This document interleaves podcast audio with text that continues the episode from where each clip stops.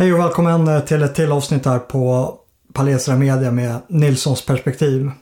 I det här avsnittet så ska jag prata om nödvärnsrätten med eh, utgångspunkt från en artikel som jag läste häromdagen på Dagens Juridik. Artikeln handlar om en gårdsägare som har blivit dömd till fängelse för att ha försvarat sitt hem mot en inkräktare. Men eh, först en liten uppdatering av vårt övriga arbete här på Palestra Media. Just nu så sitter vi och klipper på en dokumentär om de svenskar och övriga nordbor som stred med boerna under det andra boerkriget i den skandinaviska frikåren. Och alla våra dokumentärer kan ses av alla och eh, var och en här på Youtube eh, tack vare att vi är en donationsbaserad kanal. Och Det innebär att vi kan ha alla dokumentärer öppet för att se utav alla. Lite som SVT men med den enda skillnaden att våra tittare frivilligt donerar till våra filmer. Och det är det som då möjliggör vårt eh, arbete här på Palestra Media.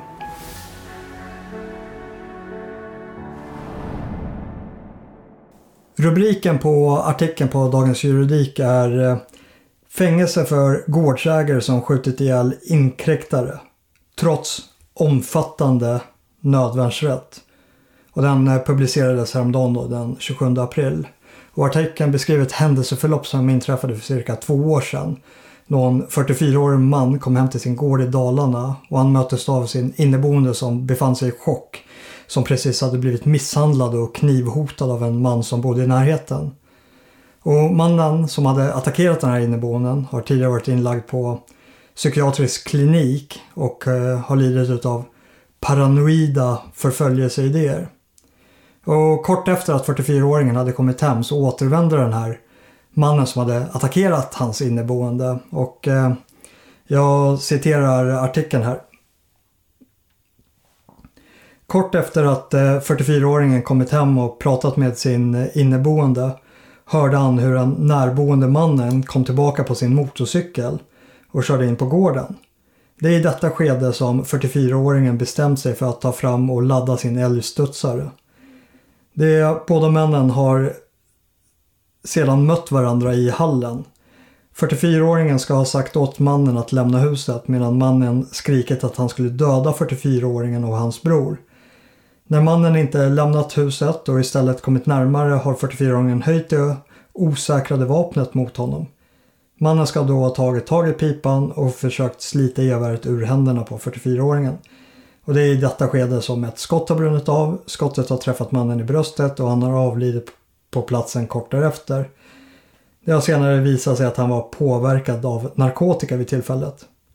Och eh, Mora tingsrätt godtog att 44-åringen hade befunnit sig i en nödvärnssituation när den eh, andra mannen hade tagit sig in på hans gård efter att kort dessförinnan misshandlat och knivhotat en inneboende.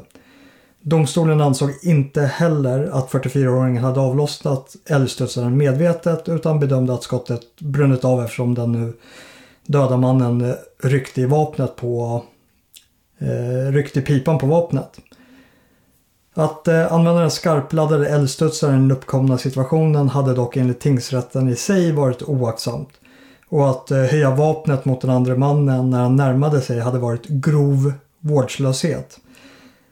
Det eh, hade enligt domstolen också varit uppenbart oförsvarligt att använda det osäkrade och skarpladdade vapnet och nödvärnssituationen innebar därför inte att 44-åringen skulle frias.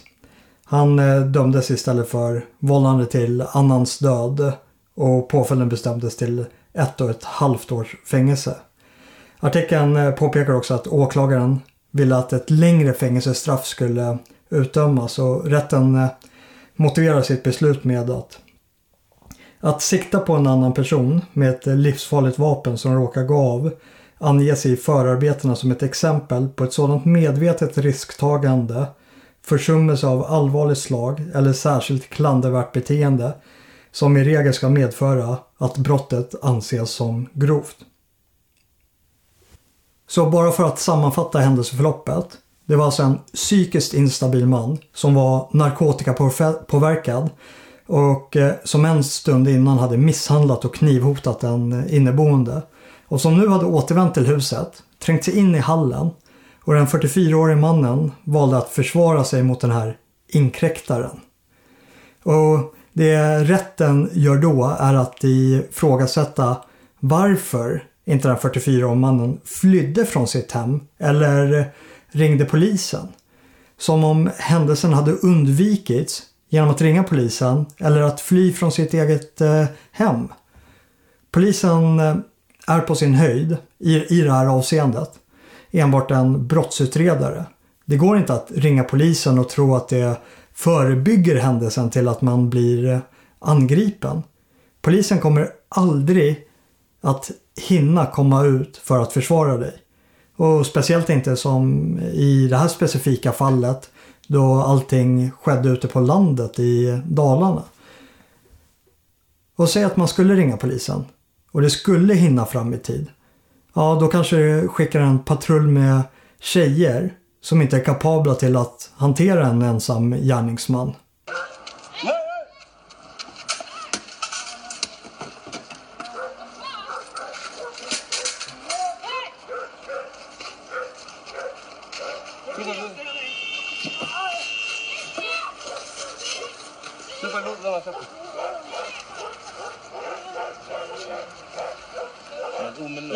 الفار هذا مسكوه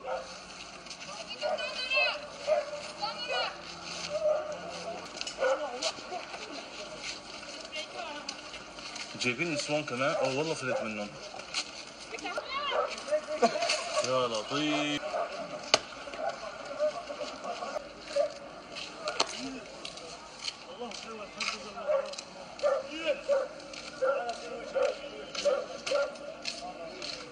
شمسين كيلو bitirelim. Som en grundläggande sanning som vårt nuvarande samhälle förnekar är att människor faktiskt behöver män som mest om de är attackerade av andra män. Men eh, då det är osannolikt att polis kan komma till undsättning vid eh, ett pågående angrepp så är det istället upp till dig, var och en, att försvara sig om man blir angripen.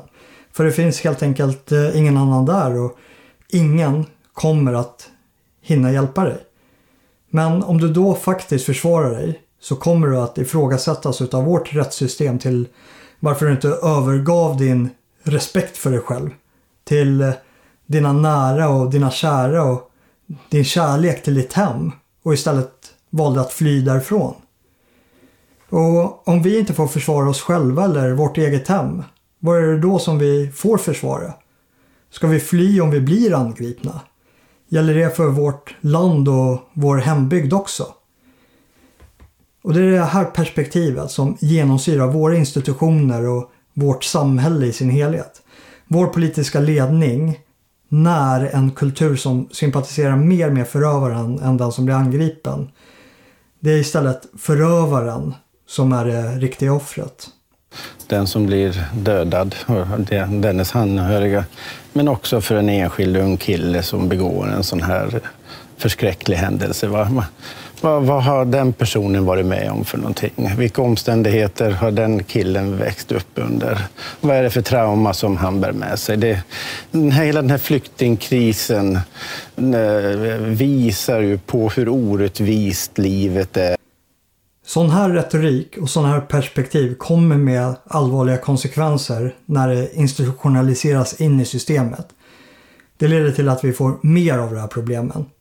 Vi visar dels upp vår egen befolkning som fritt villebråd som brottslingarna kan pissa på. Samtidigt som vår politiska ledning också tar angriparna i försvar.